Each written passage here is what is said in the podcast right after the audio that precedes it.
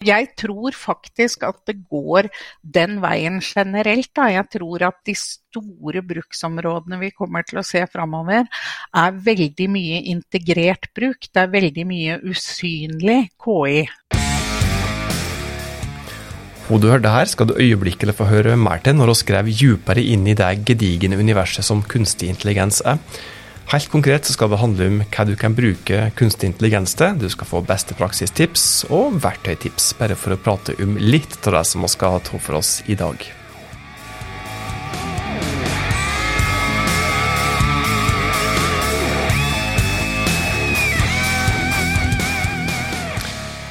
Velkommen til en ny episode av Hauspodden. Dette er podkasten fra fagfolket i Haus oss er her som vanlig for å hjelpe deg med å nå de målene som dere har satt dere i den virksomheten eller den organisasjonen som du jobber til. Jeg heter Tormod Sperstad, sier tusen takk for at du hører på podkasten eh, vår. Det skal handle om eh, kunstig intelligens i dag. Et formidabelt tema som eh, berører samtlige av oss i en eller annen grad. Både privatpersoner og ikke minst private og offentlige virksomheter. Og temaet det er såpass stort at vi må prøve å snevre det i alle fall litt inn, og gjøre et forsøk på å begrense det til kunstig intelligens og markedsføring i, i denne omgangen her, da. Og når vi skal prate om kunstig intelligens og markedsføring, så er vi dønn avhengige av å få noen ressurspersoner inn som både brenner for kunstig intelligens, som bruker kunstig intelligens, og ikke minst underviser i temaet. Velkommen til Hauspodden, eh, Nina Furu fra Knowhouse, tidligere kjent som Webgruppen. Ja, tusen takk Tormod, hyggelig å være her. Du, Vi skal inn på hovedtemaet om litt, men først så har jeg lyst til å vite hva er det som gjorde at du begynte å interessere deg så voldsomt for kunstig intelligens? Altså, jeg interesserer meg generelt for teknologi, og jeg er en stor teknologientusiast. Og siden jeg liksom har jobba med internett uh, i gåseøynene siden weben kom til Norge på midten av 90-tallet, så har jeg jo på en måte fått oppleve mange, mye utvikling òg. Framveksten av søk Eh, ja, først websider, og så liksom søk og alt det rundt det, og så sosiale medier, og nå altså da KI, som jeg syns er en veldig sånn naturlig eh, forlengelse av det vi driver med, som er å skape innhold som er interessant for folk. Eh, og når da eh, ChatGPT ble lansert for om to dager, et år siden, i innspillingstidspunkt, uh, så, så skjønte jeg jo egentlig med en gang jeg prøvde at fy søren, dette er game changer, og det har det jo vist seg å være òg. Så nå jeg jo bare og syns det er kjempegøy sjøl å spare med ChatGPT når jeg skriver og uh, bruke Midjourney, og liksom endelig så kan jeg lage illustrasjoner sjøl og sånn. Jeg kan jo ikke tegne noe som helst. Så det er veldig godt å liksom bli mer selvhjulpen med det, da. Nå har du pensa inn på dette her eh, helt naturlig, som en, en liten naturlig overgang her. men um, Så er jeg for så vidt inne på temaet. Men helt konkret, hva kan en privat eller offentlig bedrift eller kanskje en frivillig organisasjon bruke kunstig intelligens til? Og alt mulig, egentlig. I uh, hvert fall Eller altså, ja, det blir jo feil. Men uh, hvis jeg skal holde meg til mitt felt, da, for det er helt sikkert masse man kan bruke det til som jeg ikke vet om og ikke jobber med, men innenfor markedsføring eller informasjon, kommunikasjon, så er det, og det mest åpenbare er vel kanskje å skrive tekster. Og der opplever jo jeg at jeg jobber sammen med ChatGPT eller Bard på helt motsatte måter av det jeg trodde for et år siden. Um, men det er absolutt å skrive tekster, og så er det å lage illustrasjoner. Uh, og så er det å få ideer, skissere personas, finne kundenes smertepunkter. Uh, det er liksom Det er ingen Vil ingen ende ta. Jeg syns hvor jeg snur meg, så er det nye bruksområder, på en måte. Du sa det jo litt uh, sjøl, uh, når du sier at du bruker det til å logge innhold sammen med uh, ulike verktøy for kunstig intelligens. Og da er du kanskje inne på litt på konkret hvordan du bør bruke disse her verktøyene der. For det, det er noen feller å gå i hvis du uh, kanskje spesielt bare overlater hele jobben til disse her verktøyene her. Ja, det er mange feller der. og en av dem er jo at ofte selv om man ikke bruker detektorsoftware, så er det ofte lett å se at en tekst er laget av kunstig intelligens, hvis ikke den er godt bearbeida i etterkant. Um, og jeg har jo hatt uh, en tidligere kollega som jeg intervjua på vår livesending her for et par uker siden, som, som, jobber veldig mye med å ansette folk. Som sier det at jeg ser det med en gang. Hvis jeg ser at dette er skrevet av ChatGPT, liksom, så sorterer jeg det rett ut. Ikke sant? Så det er én sånn risiko, da. Eh, så er det jo dette her med Google også, som eh, jo har sagt at de ikke straffer kunstig intelligens-tekster, altså at de ikke markerer det automatisk som spam. Men legg merke til at de sier at de ikke merker det automatisk som spam, og at, de ikke, og at ikke all KI-generert tekst er spam. Eh, det betyr ikke at ikke noe av det er spam, og det betyr ikke at når vi nå om eh, et år eller to hvor verden bare drukner i en vanvittig mengde med Eh, innhold, hvor Google sin jobb er å skille det relevante fra det ikke-relevante, så tenker jeg nok at det strammes litt til også der. Så jeg for min del, for våre nettsider, jeg vil ikke havne i en situasjon hvor alt jeg har på nettsida mi, hele synligheten min på Google, er basert på KI-tekster. Fordi om det ikke spam-markeres i særlig grad akkurat nå, så har jeg en veldig sånn snikende følelse at det kommer til å bli sånn eh, om ikke altfor lang tid, da. Og uansett så føler jeg Jeg liker jo å skrive òg, så jeg liker at jeg skriver. Men jeg sparrer med KI, det gjør jeg. Ja.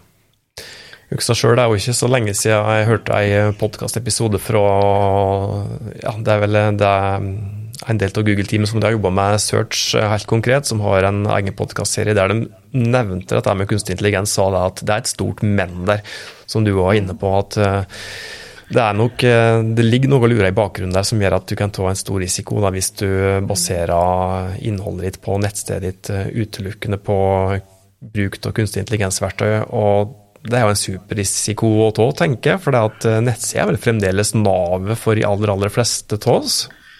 Ja, og nettsida er jo der du konverterer, og nettsida er der hvor du sikrer Google-synligheten din. Og Google er den største trafikkanalen vi har ikke sant, på nett.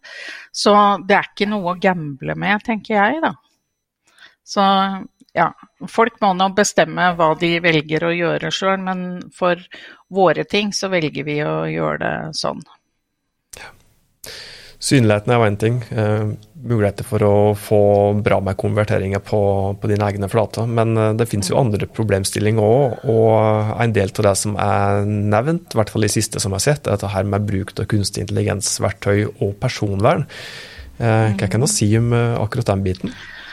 Ja, nå føler jeg at det er litt utenfor min, mitt kompetanseområde, egentlig. Men selvfølgelig så skal vi være veldig forsiktige med hva vi laster opp. Altså, eh, man bruker jo gjerne kunstig intelligens til å forbedre egne ting. Mange gjør det.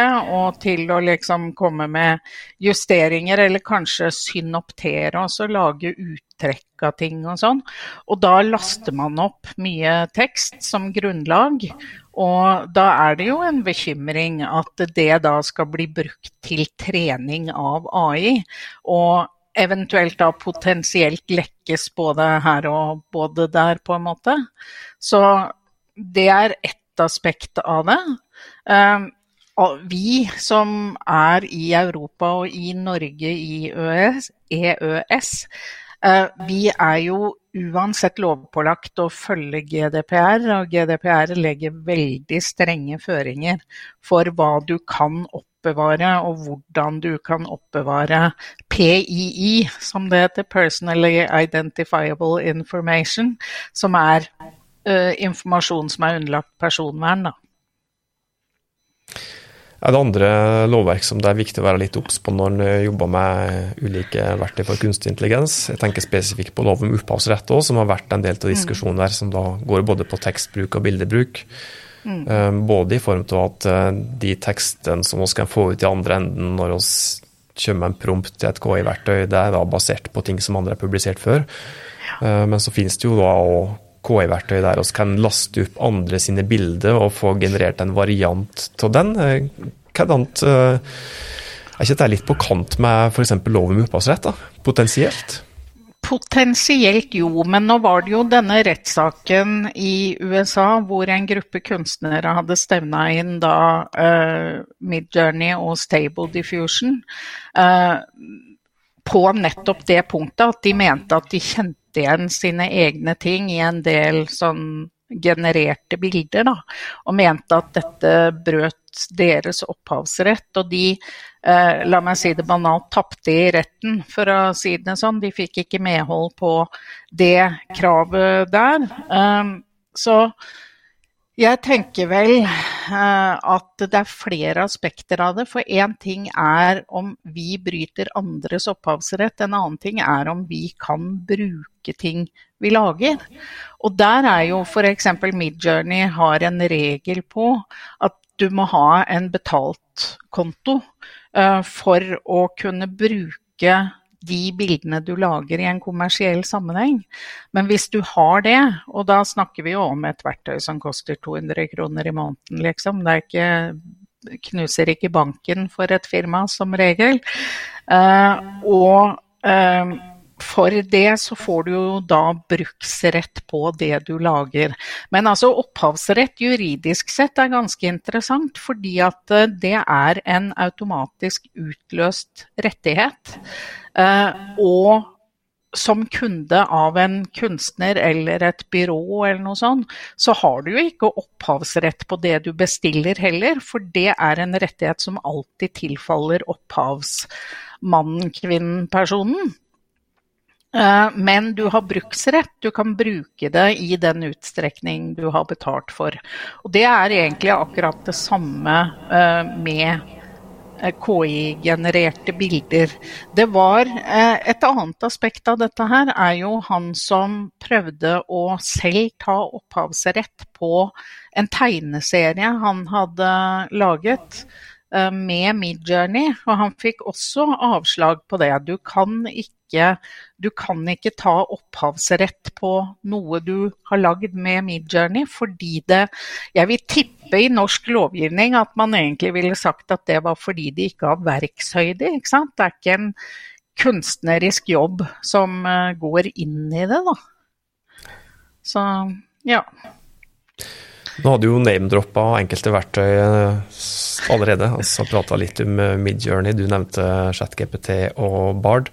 Kan du ikke dra oss litt igjennom både de verktøyene og kanskje andre, hva de kan gjøre, og hva finnes det der ute for dem som ikke er klar over det? Det er et stort univers etter hvert.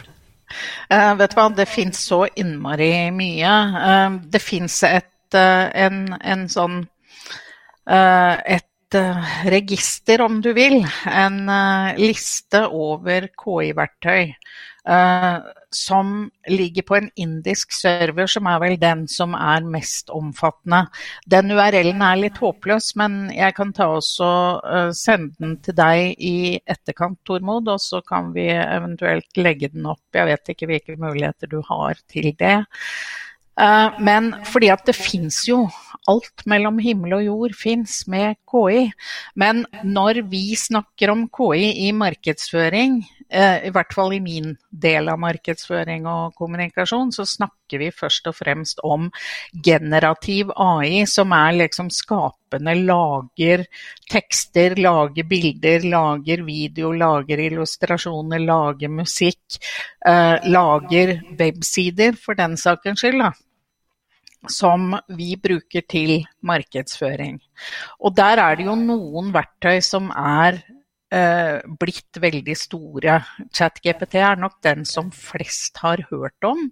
Og så har jo da Google også sin egen eh, konkurrent til det, som eh, heter Bard og ligger på bard.google.com, eh, og som et etter min mening er bedre på alt som krever referanse til sanntidsdata. Fordi ChatGPT med Bing, ja vel, men eh, Bard har Google, liksom, og Google versus Bing. Jeg syns det er en viss kvalitetsforskjell på det, da. Um, så, så det er nå én ting. Og så jobber jo også Google med dette her sammensatte søket, det AI-augmenterte søket, som jo kommer til å bli en del av hovedproduktet til eh, Google, men som er i, bare i sånn labs-beta foreløpig. Eh, som jo blir veldig spennende å se hva de får ut av det, da. Men i hvert fall eh, de store språkmodellene, ChatGPT og Bard, altså det er, det er grensesnittene, da.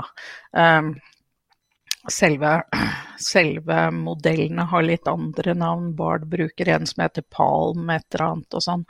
Men, uh, men det er de på en måte som vi kjenner. Også på bildefronten så er det jo kanskje først og fremst Midjourney, uh, som er den mest vanskelige tjenesten å komme i gang med som jeg noensinne har vært borti. Så jeg har funnet ut at jeg er nødt til å lage et blogginnlegg som heter 'Hvordan bruke Midjourney'. Fordi det er jo så Det er ikke mulig å finne ut av det. Det tok meg tre dager å finne ut hvordan jeg skulle lage mitt første Midjourney-bilde, liksom. Tre dager og ekstensiv research og ring en venn, på en måte. Så, så uh, så det er veldig lite intuitivt, men det er jo en fantastisk tjeneste. En som er mye mer intuitiv og også er veldig stor, er Dali, eller Dali, sier noen. Det er sikkert et ordspill på det. Det staves D-A-L-L-E. Uh, og den er jo laget av OpenAI, som er det firmaet som også har laget ChatGPT. Uh, den er mye lettere, for du kan egentlig bare liksom google den og gå inn og skrive en prompt i en, et søkevindu som du finner med en gang du kommer inn. Og du kan spesifisere stiler, og du kan spesifisere hva du vil ha bilde av, og veldig mye. Så der er det uh, Den er på mange måter lettere å bruke.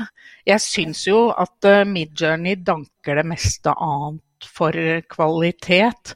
Nå har jeg ikke prøvd Stable Diffusion, som jeg hører bra ting om, men som ikke har den utbredelsen her, i hvert fall. Men uh, ja. Men det er vel først og fremst de som er liksom de store tjenestene å se på. Og så har du de som er mer sånn type plattformer. Jasper f.eks., som integrerer seg med, liksom, med, nettleseren din, med de andre verktøyene dine, som foreslår kommentarer når du er på Facebook, og foreslår svar på e-poster du får i innboksen og sånn. Um, så, og de finnes det også en del av. Og så har du videotjenestene, og der er det jo Syntesia en veldig god en. Og så er det for lyd, så er det Eleven Labs. Uh, så det er liksom begynner å utkrystallisere seg et slags sånn A-lag her, da. Som er de som mange har hørt om og mange har prøvd, på en måte. Og så begynner det å bli en del bra funksjonalitet som er integrert i en del verktøy som mm. i hvert fall mange av lytterne våre allerede bruker, tenker og målgruppa til det og nå også tenker da f.eks. på Adobe, der du nå har integrert i de mest vanlige verktøyene der. Du har det integrert i Adobe sitt eh, podkastverktøy, veit jeg. Eh, Canva òg har jo begynt å lefle litt med det. Eh, ja, ikke bare litt. Du, de, jeg syns de er kommet egentlig ganske langt. Ja, fordi at nå kan du jo egentlig bare søke etter hva Eller altså eh, gi en prompt på et bilde du vil ha, og bruke det i en sånn mal som du lager, da. Så, så det er også kult. Uh, og jeg tror faktisk at det går den veien generelt. Da. Jeg tror at de store Uh, og jeg tror faktisk at det går den veien generelt. Da. Jeg tror at de store bruksområdene vi kommer til å se framover, er veldig mye integrert bruk. Det er veldig mye usynlig KI som kommer til å ligge innbakt i veldig mye. Og det faktum er jo at Eh, det er jo ikke nytt. GPT heller er ikke nytt. Det var bare chat-GP. Det var da det tok av, ikke sant. Men uh, nettaviser og sånn har jo brukt GPT til å lage tekster en god stund, og TV har brukt det til automatisk teksting eller undertitler, liksom. Og det elsker jeg også for øvrig. Det er en annen tjeneste jeg har lyst til å nevne, Sonics AI altså sonix.ai, hvor du bare kan lime inn URL-en til YouTube-videoene dine og få en ferdig subrip-fil, ferdig tekstfil med, uh, med tidskoder på, som du bare kan laste opp, og få closed captioning. Altså sånne undertitler som du kan skru av og på på dine YouTube-videoer. Og det er jo ikke bare ålreit for SEO og for, liksom, for generell tilgjengelighet, men det er også veldig ålreit for alle i offentlig sektor, som egentlig da er pålagt å ha sånne tekster på alt de bruker imbedda på egne nettsider og sånn også. Du, oss kunne nerda hele dagen, er jeg helt sikker på, rundt ulike verktøy og bruksområder og, og, den type ting. Men uh, det er en ting til som vi må prate om før jeg slipper det ut at i førjulsvinteren Nina. Og det er den kuleste konferansenyheten som jeg i hvert fall har hørt om på utrolig lenge. Nina, hva er det du, du og Dine har rulla ut av ermet nå, eller er i ferd med å rulle ut av ermet? Ja, det er kjempespennende. Det er Norges første konferanse om innholdsskaping med AI. Eh, og med da mye fokus på oss som bedrifter, altså bruken av AI. Ikke så mye kunstnerisk, men mer som i innholdsmarkedsføring og sånn. Den heter AICON, eller ICON som vi pleier å kalle den. Og der ligger det mer informasjon på AI-con ai-con.no. ai-con.no. Uh, og det blir en konferanse som vi holder 14.3.2024. og Da holder vi den på et veldig morsomt senter som heter Eldorado e-sport. Som har mye sånne e-sportturneringer og sånt noe, men de har jo da gamle Eldorado kino, for oss som bor i Oslo og kjenner den. Eh, som har et stort auditorium som er helt bygd om og kjempes eh, godt og med uttrekkbare stoler og alt mulig sånn. Eh, så vi får en del folk der, men så får vi jo også en profesjonell produksjon og en strømming av dette her på nett. Så folk kan bestemme om de har lyst til å være med fysisk i Oslo, eller om de vil bare kjøpe en uh, billett til Strømmen, da, som jo er litt rimeligere alternativ også. Men jeg gleder meg veldig, fordi at jeg får med meg så mange morsomme folk, vet du.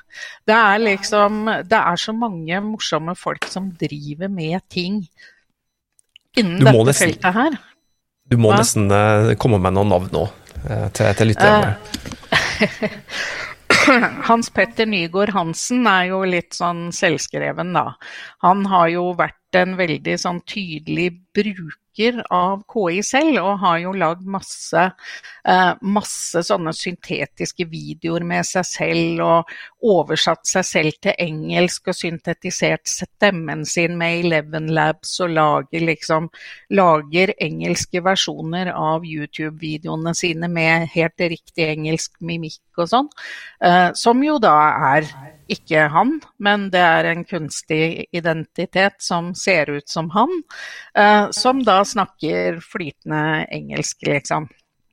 Hans Petter har jo vært Uh, veldig langt framme egentlig hele tida. Så han, har, eh, han skal holde avsluttende foredrag, da.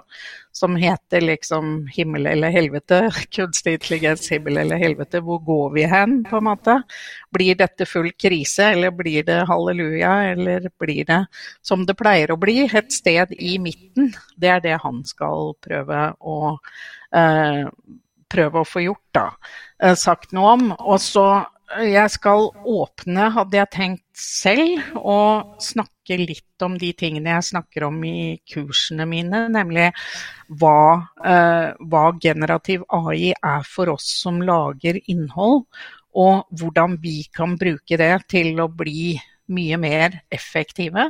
Og så skal vi høre fra en del selskaper som bruker dette bra. Og vi skal snakke også om en ting som eh, mange kanskje ikke helt har tenkt på enda, som er at bedriftene faktisk trenger en policy for AI. De trenger å ha noen retningslinjer for hva bruker de, hva bruker de ikke, hva er innafor, hva er ikke innafor, hva kan jeg laste opp, hva kan jeg gi systemene av informasjonen å trene på osv. Der er det jo norske organisasjoner som ligger ganske langt framme i å jobbe med det, så vi planlegger å få en av de til å snakke litt.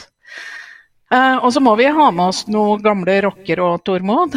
Så jeg har, jeg har, ikke lagt ut på weben enda, men jeg kan jo fortelle at Kjetil Manheim, som er den originale trommisen i det legendariske norske black metal-bandet Mayhem, han er jo bl.a. investor i KI og er opptatt av KI i eh, bruk for bl.a. musikk. Da. Så han har jo et sånt skikkelig blytungt prosjekt som heter Order, som er noen gamle, gamle svartmetallere som lager veldig, veldig tung musikk, og hvor de da bruker KI og en del muligheter derfra. Så han kommer og snakker litt om det.